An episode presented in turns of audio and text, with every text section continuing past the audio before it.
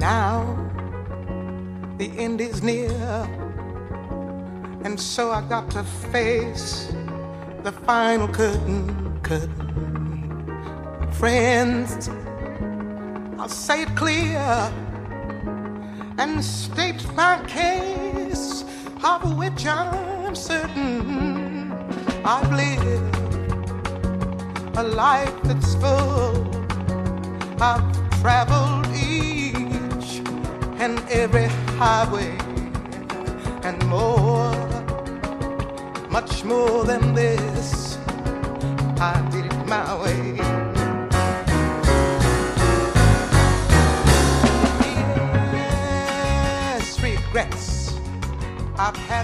Saludos, vamos con este eh, segundo programa de Mesas y Manteles que vamos a centrar en los quesos. Eh, de nuevo con nosotros Francesco Gianelli, bienvenido. Hola, buenos días.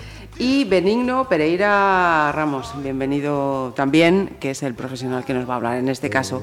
Eh, muy, muy buenos días a todos. Francesco, rompes tu... Sí, no, eh, tengo un enorme placer, placer, además de que acabo de conocerlo. Ya conocía el nombre de la quesería Bamas. Y cuando me propusieron de poder contar con Benigno, me hice un enorme placer porque Pienso que hoy come ahora la quesería Bama es una referente gallega, non solo della denominazione de tetilla, ma también come il queso Ulloa, Arzúa Ulloa.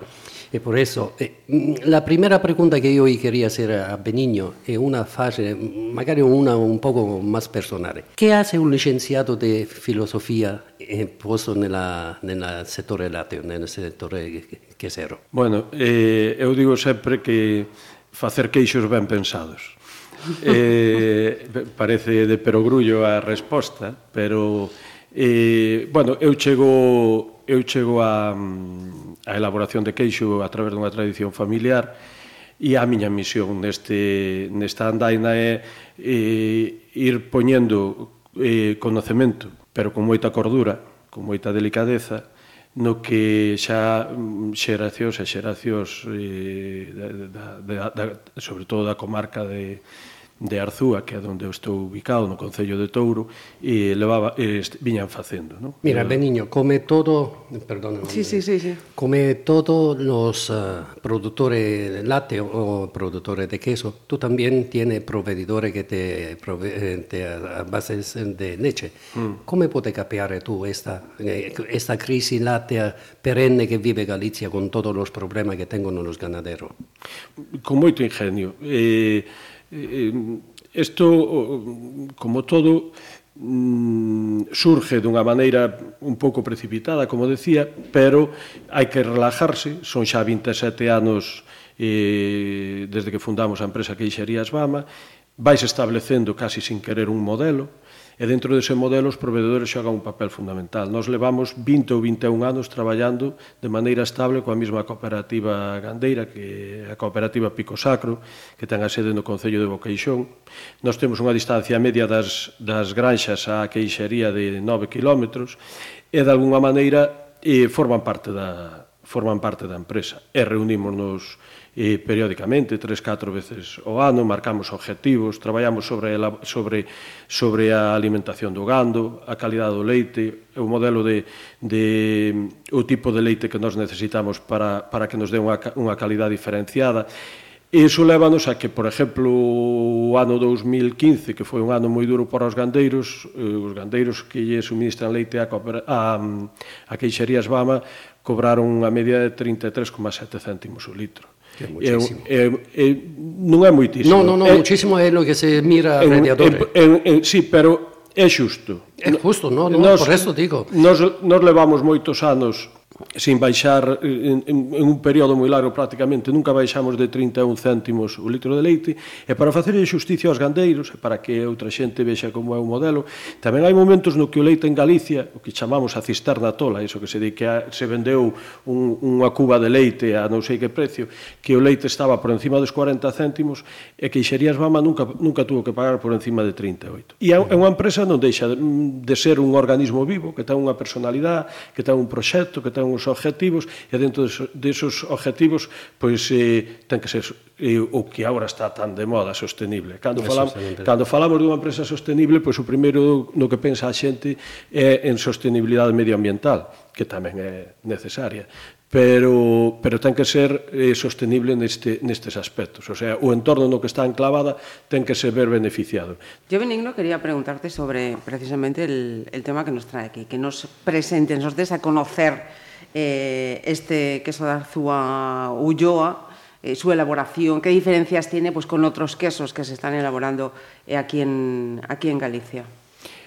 Mira, eh, eh, o Arzúa Ulloa é, é, digamos que a principal produción de, de queixerías Bama, tanto que supón en torno do 80% da produción, para que vos facemos tamén tetilla. Os, os queixos, mm, para ir a unha, primeiro unha definición para que todo o mundo me entenda, e, e o que responden é as necesidades, son así porque responden ás necesidades que o grupo humano e do que forman parte, da, sobre todo da, da súa cultura gastronómica, e tiñan as necesidades concretas. E, entonces, o, os queixos en Galicia tanto Arzúa Ulloa como Tetilla son do, dous queixos bastante frescos, porque, como ben dixen ao principio da entrevista, o queixo é unha conserva de leite para consumir máis tarde, que se fai basicamente por a fermentación da lactosa, que é o azúcar do leite, a ácido láctico. E, e con isto xa estou falando un pouco de como se fai un arzúa e as súas características. Entonces, E váleme tamén para meter unha cuña, que agora está moi de moda, é sin lactosa, sin gluten, sin... Parece que temos que poñer o sin, que as cousas se valoran polo que non teñen en vez de polo que teñen. Vamos a ver, o queixo históricamente é un produto sin lactosa. Faise porque se ferma, fermenta a lactosa ácido láctico. entonces que non nos envolve ninguén co tema de produtos sin lactosa. Non? non así o leite, o leite enteiro ten lactosa e a xente que, que teña unha intolerancia á lactosa pois toma un produto con lactasa, que é unha enzima que se añado ao leite para dividir a, a lactosa en fructosa máis galactosa. Non é que desaparezca a lactosa, sino que se divide en dous azúcares distintos, aos cales o noso estómago, o noso sistema digestivo é máis é tolerante. Pero no caso do queixo, a, eh, a, a, a lactosa é, é o queixo o que o azúcar da uva é o viño. Cando nós facemos viño, fermentamos o azúcar da uva a alcohol Cando nós facemos queixo, fermentamos o azúcar do leite a, a ácido láctico. E o, digamos, a lactosa desaparece. E a do gluten xa nin falar, o queixo nunca tuvo gluten. O queixo non ten contacto con elementos da fariña, ni outras historias e tal. entonces para os consumidores que me están escoitando, o etiquetado ten que ser sempre en positivo. Un alimento ten que indicar aquilo que ten, non aquilo do que carece, porque entonces as, as carencias serían infinitas sea, eso de poñer sin gluten, sin lactosa, sin conservantes. Non, non, mire, se ten lactosa, hai que poñelo. Si ten gluten, hai que indicar que ten gluten ese produto porque non é natural que un queixo teña gluten. Si ese produto ten conservantes, hai que indicar que ten conservantes, porque eh, pero ten que indicalo aquel que, que llos pon, senón por naturaleza, se non ten, non, non, non hai que indicalo. Bueno, Perdón porque me vou un pouco polas ramas, eu son así moi moi Estamos des... falando eso da, da elaboración, sí, sí, as particularidades deste Entonces, destes queixos. O queixo Arzúa Ulloa é un queixo eh, fresco, E é un queixo fresco porque en Galicia, por a climatoloxía que temos e polo verdor que todos estamos afeitos que o temos metido nos ollos, a vaca dispoñía de, de, de pastos durante prácticamente todo o ano e daba leite de maneira eh, prácticamente ininterrumpida. Entonces os queixos non había que maduralos moito tempo, non había que facer unha gran despensa de queixo. A maduración dos queixos responde máis ben á frecuencia que había mercados, cando había feiras, se había eh, máis ou menos a quincena. Entonces, as nosas queixeiras levaban á feira os queixos da quincena. E aí temos máis ou menos o margen de maduración do queixo eh? Os máis fresquiños que daban na casa e eran os máis curados que aparecían na feira seguinte e os e, e, e o, outros iban todavía un pouco fresquiños no que era a composición dunha cesta dunha, dunha queixeira, non?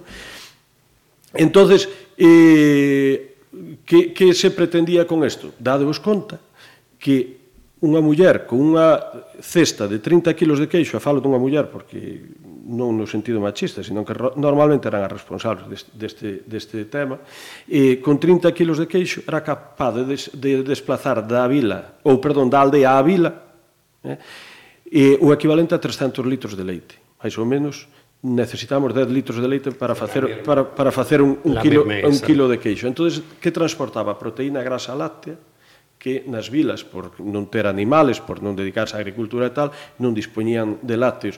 E era fundamental para, para, para a boa alimentación. Desplazábanse eh, nutrientes. E como se, co, eh, as características? Falamos dunha textura cremosa eh, e un queixo eh, suavemente ácido. Por que? Porque van ligados. Eh, eh, o as características do, dun, dun queixo arzúa ulloa que podería en algúns momentos estar dentro da casi nos límites do que son as tortas, o sea, os, que, os queixos moi cremosos, que técnicamente os queixeiros chamamos moi proteolizados, porque, aínda que a xente lle parezca mentira, esa cremosidade que ten o queixo non ven motivada pola grasa que ten o leite, senón por a degradación da proteína. Eh? Entonces, como se consigue eso? Consíguese a proteína que está no leite e, mm, é a responsable da elaboración do queixo. Eh, de, de feito, a palabra queixo ven de caseína, que é a proteína do leite. Uh -huh. eh, e eh, está eh, formando enlaces coa auga, o que se chama proteína hidrosoluble. E a maneira de ir rompendo esos enlaces o que fai é derrumbar o edificio da textura do queixo e faino no cremoso Para que a xente me entenda, un queixo manchego curado ten o, prácticamente, en términos absolutos, o doble de grasa que un queixo arzúa ulloa. E, sin embargo, non é mantecoso. Eh? O sea, non quere decir, eu estas cousas eu non dou puntadas sin fío, vonas explicando porque tamén hai moitos mitos, hai moita xente que di, "Olle, non quero comer un queixo de arzúa porque me quitou as grasas o o médico e, e, e eses queixos mantecos os moita grasa. Non, non, non. Iso é un efecto da eh, maduración da proteína para que para que mm, así maneira de xeito un pouco máis coloquial se me poda entender. E como se consigue eso? Consíguese tamén coa acidez. Entonces, eh, cando nós fermentamos a, a lactosa que fan as, as bacterias lácticas, as, prácticamente as mesmas que fan o yogur, os, lat, os cremoris, diacetilactis, etc. Tal, tamén os responsables do aroma da, da mantequilla, cando nos elaboramos, e, e estamos transformando ese azúcar en ácido láctico, pero se si nos pasamos do punto de acidez, se si temos de, demasiada acidez, a, a xente xa o rechaza de plano, pero tampouco se nos fai cremoso queixo. Temos, temos un punto de inflexión donde Por encima, se nos queda pouco ácido, o queixo quedanos máis ben mazacote, para que todos nos entendamos, uh -huh. e non, non proteoliza, non se fai, non fai esa textura cremosa. E por outro lado, e se, nos, se, se deixamos tamén demasiada auga, que neste caso, para que a xente me entenda, se si queda demasiado suero, ah, pois pues, sí. nese suero queda demasiada lactosa, demasiada azúcar, producimos demasiada acidez, demasiado ácido láctico, e así nos pasamos de acidez tampouco pretoliza. entonces o secreto de facer un bo queixo arzúa ulloa técnicamente é unha combinación entre o punto de humedade, que non ten que ser moi alto, en torno a 50%, que é o normal nun queixo, eh? e, en, ligado á, á proteína. Entonces, en, en que está o secreto? O secreto está en que ca técnica de elaboración eh, conseguimos eh, a técnica de elaboración para que a xente me entenda, hai moitísimas variables, pero falamos do tamaño do grano, falamos de temperatura de, de traballo, falamos de agitación, falamos de, de hasta incluso de altura da cuba na que se fai o queixo, porque o, a, para a caída o propio, de, de por, por, sí. por, por, no, por o peso da propia peso, masa sí, que se autoprensa e pode che desorar demais e se desora demais xa non che sale cremoso etcétera, etcétera. Bueno, todas estas eso, esas ferramentas é as que ten que manejar ben un queixeiro para ao final conseguir mm, facer un bo arzuaulloa que é unha combinación entre, entre cremosidade e acidez. Non? E, e, e cando nos sale ben, que a maior, a maior parte das veces, pois é un queixo delicioso, Cando falo de humedad, de combinación de humedad, quero deixar ben claro unha cousa. Cando a xente corta un queixo no plato, non lle aparece auga no plato. Falamos de humedad, todos os queixos teñen humedad e esa humedad está facendo enlaces químicos digamos que dentro do que é a estrutura do queixo. Esa, esa auga está ligada, é o que chamamos a auga ligada. A auga non ligada hai que extraíla toda, por eso o queixo se prensa, se desora, se prensa e despois se madura para que elimine toda a humedade sudorante cando un, un consumidor vai ao plato que non demostre humedade ninguna. No, no, se, se, podemos, eu decía antes que máis ou menos ten un 50% de, de auga un queixo, igual que moita máis ten unha carne, sin embargo cortamos e non nos sale a auga, a auga por o plato adiante. Uh -huh. Unha cosa, unha cosa é a cremosidade, unha cosa é eh, el eh, a que claro. é ser. Entonces, virtudes, eh, que despois falaremos delas e tal, do Arzúa Ulloa, mm, mm, mm, cando está ben logrado, que consigue e, e é moi interesante non só para, para comelo con marmelo ou para facer bocadillos, sino na cociña, que a Francesco isto lle vai a gustar. Por eso, aí me quero llegar Consigue eu. puntos de, de fusión moi baixiños, moi baixiños, e como non solta auga, se está ben elaborado nesa, nesa fusión, non hai un desorado por calor, eh? non hai un desorado por calor, entonces é exquisito para, para montóns de platos. Eu, eu non son cociñeiro. Eh? Aí, aí va la pregunta, la pregunta anterior.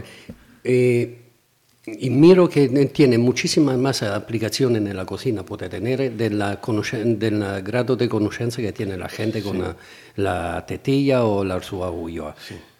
¿Por qué piensa que la gente tiene más interés en un manchego, como tú dices, y no en un producto como eso? Bueno, o manchego en Galicia ten un éxito moi relativo, eh? O sea, eh, está moi presente, por, pero o consumo de queixo manchego, vamos, eh, eh o que máis se consume en Galicia, pero dunha maneira que arrasa, son queixos tipo arzúa, ulloa e tetilla. Cando un ama de casa ou un amo de casa e ten en mente salir a comprar un queixo, no 70% da, da, das, das ocasións, porque o queixo é un produto moi cultural. entonces témolo metido no que eu chamo o noso subconsciente cultural gastronómico. A hora de cociñar, ou a hora de tapeo, sí, porque eh, non, se, non se asocian ca cociña ao mellor moitas veces por a súa propia frescura, non? É que lles parece pois que, que vai a fundir mal ou tal, pero pódese eh, co, coa, coa pericia e cos medios que tedes hoxe en día os cociñeiros pódense facer auténticas maravillas. Eh? E, eh, ese hace, ese hace, e, e, claro, e, e, claro, é fanse. E temos tamén, dentro do que é Arzúa Ulloa, porque cando necesitamos un queixo curado tampouco temos que salirnos fora de fora de Galicia e temos respondendo esas necesidades que decíamos que tiña o grupo humano do que for, do que formaban parte temos un queixo que é o Arzúa Ulloa curado que aquí hubo bastante polémica fai uns anos con un queixo que se facía na zona da Arzúa que era un sucedáneo mal sucedáneo de un, do, do, do, do vosso rei, o parmellano, sí. né? e que eso sabemos que está totalmente prohibido no, utilizalo así. Pero bueno, sí, sin almeno, entrar... almeno en nombre. Sí, almeno, sí, almeno o nome, sin entrandes, pero, nós temos un queixo eh, porque eh, un queixo que é o Arzúa Ulloa curado, conocido como queixo da Naviza ou queixo da Ano, na nosa zona, que responde, é unha resposta a unha necesidade. Eh, dixen que os nosos queixos eran de corta maduración, e que máis ou menos obedecían á frecuencia na que había mercados. Pero temos este queixo curado por qué? porque na época de máis traballo, que era os meses de xullo e agosto, se, facíanse traballos comunitarios nas, nas aldeas, que era a sega, a malla, a recollida da erva seca, e, etcétera, etcétera. E entonces as, as amas de casa, as, as, as donas da casa, digo amas no sentido de donas da casa, e levaban o, a comida as, as eiras de traballo, todos facían a súa tortilla, tiñan os seus xamóns, chouriciños e tal, e tamén o queixo. E o queixo na época do Bran era malísimo. Era malísimo porque falamos de que era unha fermentación, ou da fermentación láctica con unhas bacterias adecuadas, pero na época de primavera, cos calores e tal, todos sabemos, eh, máis no mundo da alimentación, que proliferan outro tipo de bacterias, bacterias que moitas sí, sí. veces son perjudiciales incluso para a salud e que se metían na fermentación do queixo, en vez de facer unha, unha fermentación láctica por bacterias lácticas, pois tiñamos unha fermentación por enterobacterias, coliformes, clostridium, os queixos hinchaban, eh, tiñan como un remelo e tal. entonces as mulleres desesperadas tiñan que dar unha solución. Dicía, pero como no momento que máis necesito o queixo, non teño unha cousa de calidad para levarlle a, aos, aos consumidores. entonces aprenderon a agardar queixos da época dos nabos, por se chama queixo da naviza, dos meses de noviembre, diciembre, xaneiro, íbanos lavando, e cando tiña unha corteza axeitada, gardábanos na súa nevera. E isto, bueno, aquí falamos, as neveras é un invento de fai dous días, dous telediarios. A súa nevera era o sitio que había con humedad e temperatura controlada nas casas, era a ucha do grau. A ucha do grau porque o pan non se podían moecer, o trigo non se podían moecer, e, nin, nin humedecer porque era a morte da, da familia, morrían de fame se o, se o, se o trigo se estropeaba. entonces metían o, o queixo entre, entre o grau, podía ser de trigo, podía ser a avea, podía ser o centeo, o que, o que dispuxese esa familia, e iso íbase deshidratando pouco a pouco, a proteína e a grasa íbase concentrando, e temos un queixo curado de, de 9, 10, 11 meses, 8, 9, 10, 11 meses a consumo de xullo e agosto, que é grasa e proteína láctea concentrada que se decía ten mau dos homes. Entonces, vedes que a, a cada necesidade eh, aparece un produto distinto. Igual que porque un manchego en, na mancha temos queixos distintos, porque as ovellas concentraban a súa lactación de xaneiro a maio, junio, e que comían despois esa xente da mancha hasta o xaneiro seguinte. Cando comían o queixo recién feito, era un manchego tierno, a media temporada era un semicurado e cando xa estaba acabando a temporada que non era tal, era un queixo, un queixo curado. E desa maneira iban cubrindo as súas necesidades. Pois nós aquí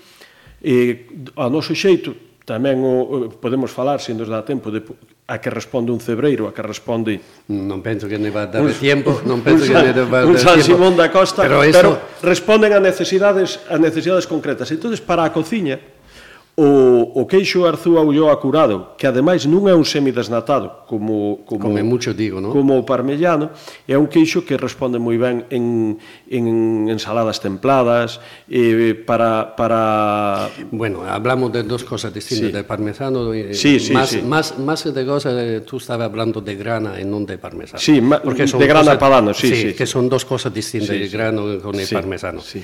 Que mucha que gente... agradezco a puntualización. No, que sí. mucha gente non conoce no, no exactamente, exactamente el mismo queso, solo que viene da pasto distinto. Mm. Está el grana que viene da un pasto bajo, de llanura, el parmigiano que viene da un pasto de altura. Sí. E ahí está la diferencia entre la leche, que, que, que tu sai perfettamente che la leche come cambia, e cambia la durazione. Un, un grana va a 12 mesi di maturazione, mentre un parmesano empieza dai 18, empieza, a, a, a empieza dai 18 mesi adelante, dai 18 ai 36 mesi.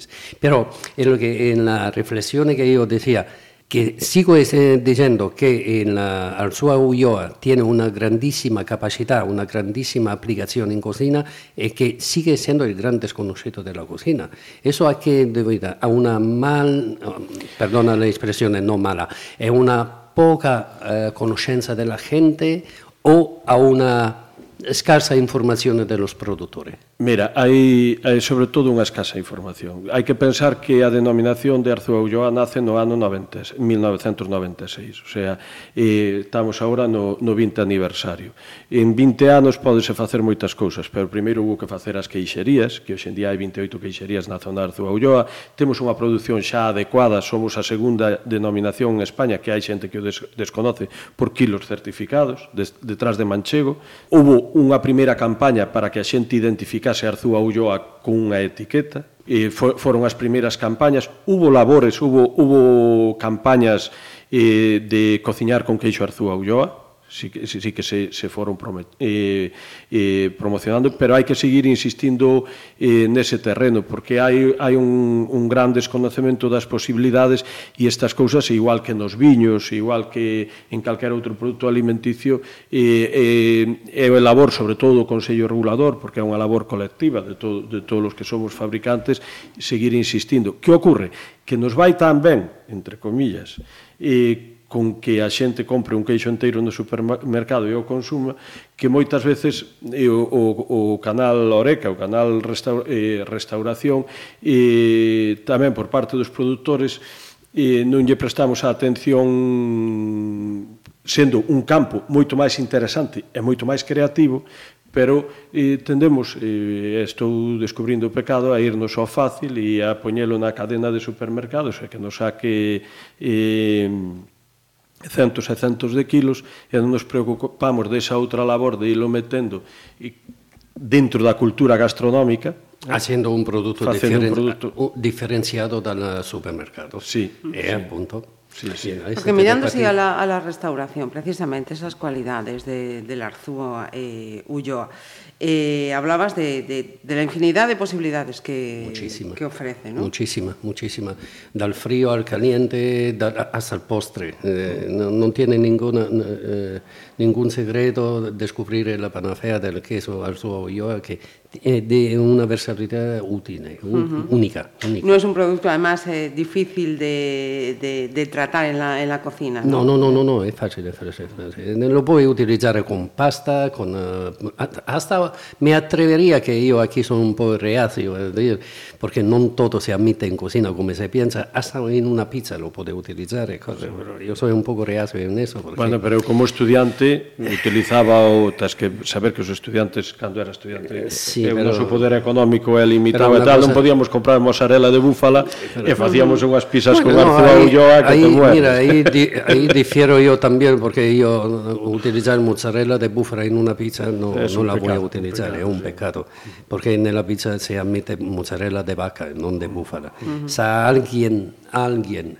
más erudito que yo que dice que se u- utiliza la mozzarella de búfala, pero el producto es completamente distinto, porque tú sabes una mozzarella de búfala esa, esa lactosidad interior que tiene la transmite después en la masa de la pizza. Eh, eh, te viene una pizza un poco, no y puede extraer el líquido, el suero que tiene no y lo puede extraer, eh, por eso. eh, Eso, ah, eso é un placer que solo disfrutan unos cuantos privilegiados Un ao redor, de, redor de Nápoles. Aquí a mozzarella de búfala Sí, de- de- desconocémola. campaña. Oh, mira, yo no, eh, Sí, que yo desconocemos escuché, escuché que también estaba un productor a Lugo que hacía mozzarella de búfala. Y cuando me enteré que estos productores eh, abastecía a muchísimos nego- negocios, eh, supermercados de la, de, de- no solo de Galicia, pero también algunos de España, empecé a preguntarme, ¿ma cuánta búfala tiene esto? Porque tú sabes que la búfala tiene un- una escasa resa de le- en leche, que eh, produce muy poca leche. ¿Cuánta búfala tiene que tener para hacer tanta cantidad de leche?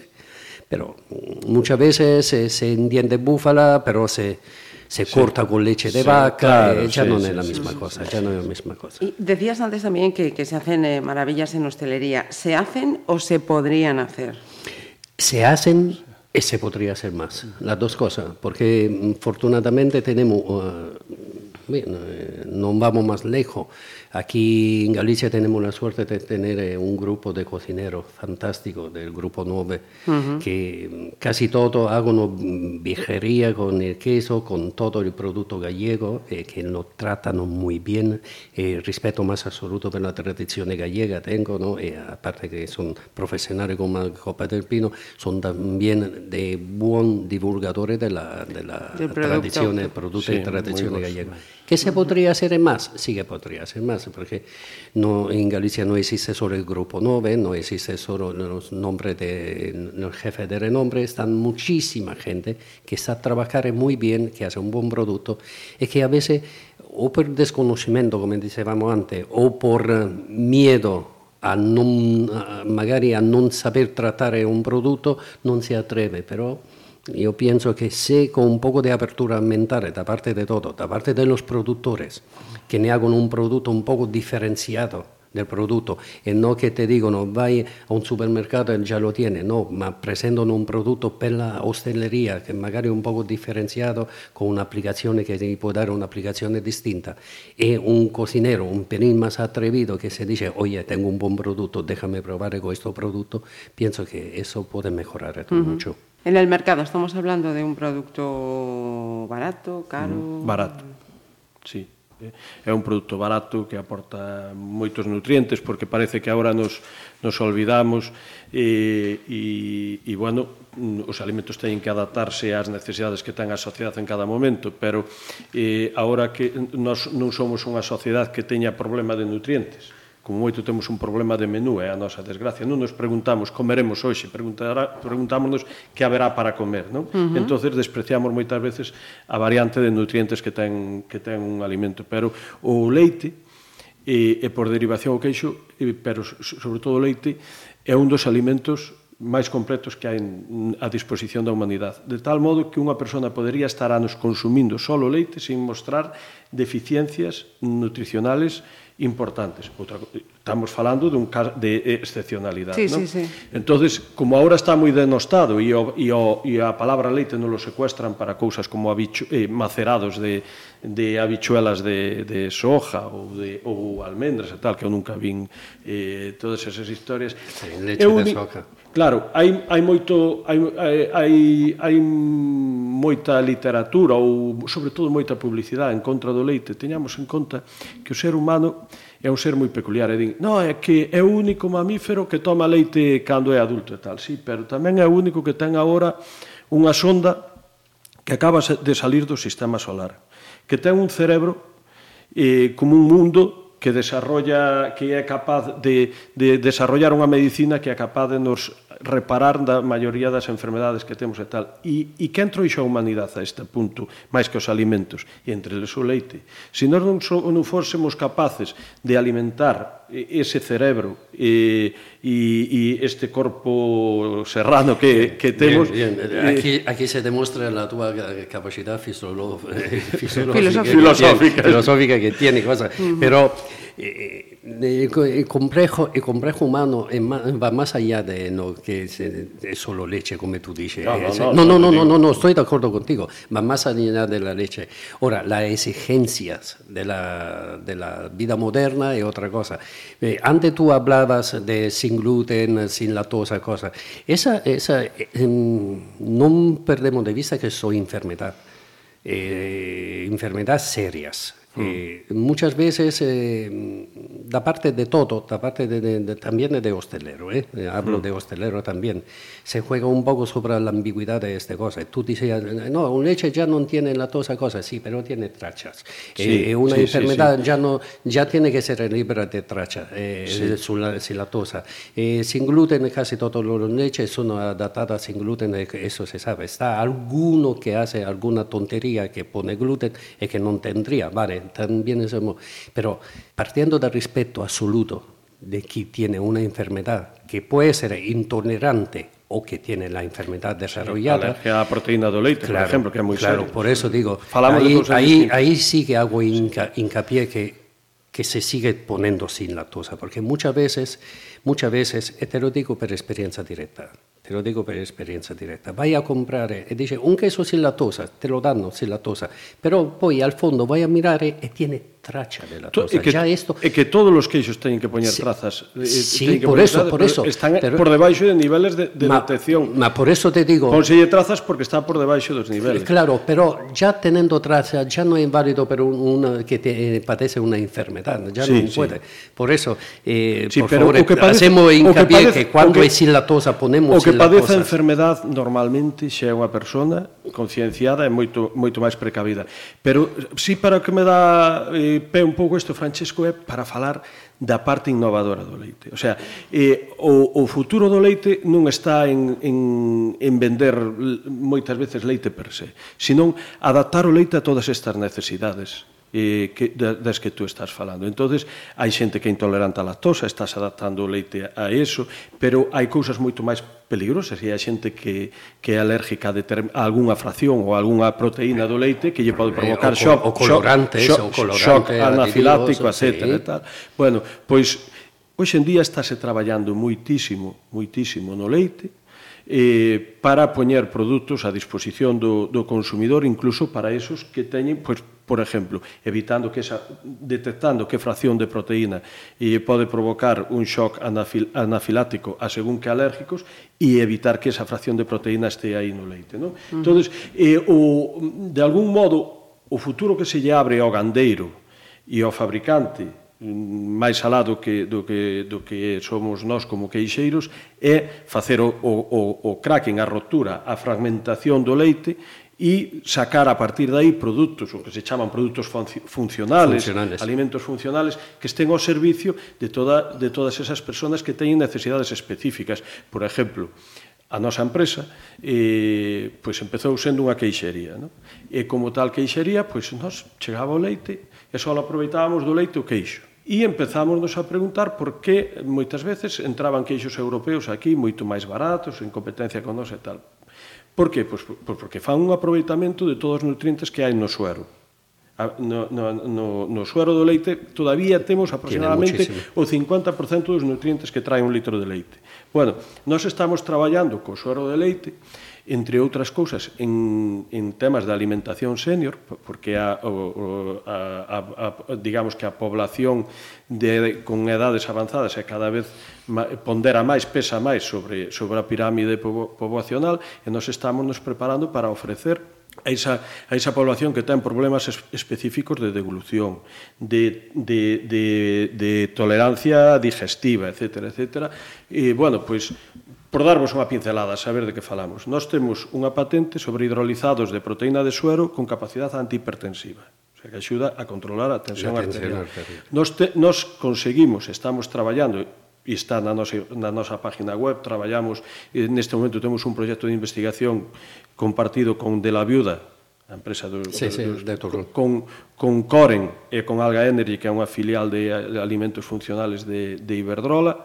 Estamos traballando sobre todo en temas de antioxidantes a partir da, da proteína do leite. Que tú que falabas agora de colorantes, etc., os ES, es. que hai, os ES, sí os conservantes tal que hai nos alimentos, bueno, pois nos sacamos a partir do suero do leite antioxidantes totalmente naturales que poden facer o que se chama etiqueta limpa ou en inglés o clean label, clean label. Sí, para evitar poñer es ou estarlle metendo os alimentos antioxidantes en maneira... E a, a eso me refería cando eu deseo cuidado, porque eso exigencias claro, claro. moi serias. Pero nós nós somos proactivos, somos proactivos neso, de feito estamos traballando en... Sí, además, en... porque casi nadie sabe que vosotros ya disponéis de un instituto de I+D. No, nós temos un departamento de I+D na empresa formado por dous doctores, un en biología e outra unha doctora en tecnología dos, dos alimentos. Levamos, levamos eh, traballando en temas de I+D desde o ano 2003 e, e estamos estas cousas son moi serias, pero estamos a punto de sacar ou pronto poderemos sacar eh, ao mercado ben directamente ou ben eh, como eh, prove, proveedores de tecnología para outros fabricantes de outros alimentos, eh, pero de Bama eh, están salindo xa eh, eh, derivados do suero que antes non se aproveitaban, que era un, era un, un subproducto que non sacábamos ningún valor añadido. Só unha, unha anécdota, falando da, da alimentación senior, nos, as proteínas que non se nos hidrolizan a péptidos antihipertensivos, nin, nin tampouco a antioxidantes, ca cardiosina, que é unha enzima que está no cardo, os queixos como segre sí. da estrela ou, ou a torta de casar ou a torta sí. da serena que se fan con cuajo de cardo, bueno, pois utilizando ese, ese elemento conseguimos gelificalos. E, e facemos eh, eh, o noso propósito é facer tamén geles alimentarios para alimenta, para a población senior que ten problemas que de, de, problemas de, de tiroides, que se atraganta facilmente. Sí. O que chama o meu fillo eh, o mundo nun vaso de leite. O, Todo o que futuro, se pode sacar dai. O futuro sí. do leite. Pois se si vos parece, imolo deixar aquí eh, o vindeiro mesas e manteles. Será o día 30 de decembro. Benigno Pereira, gracias por estar con nós. Moitas gracias a vos, quedume con ganas de volver, eh? Muchas gracias. bueno, eso eh, siempre se puede hacer un retomo de algo, porque el sector eh, del queso es muy interesante es quizás que un día podemos recoger estos guantes que me dejas de niño. ¿sí? Y Francesco, hasta el día 30. Gracias, hasta luego.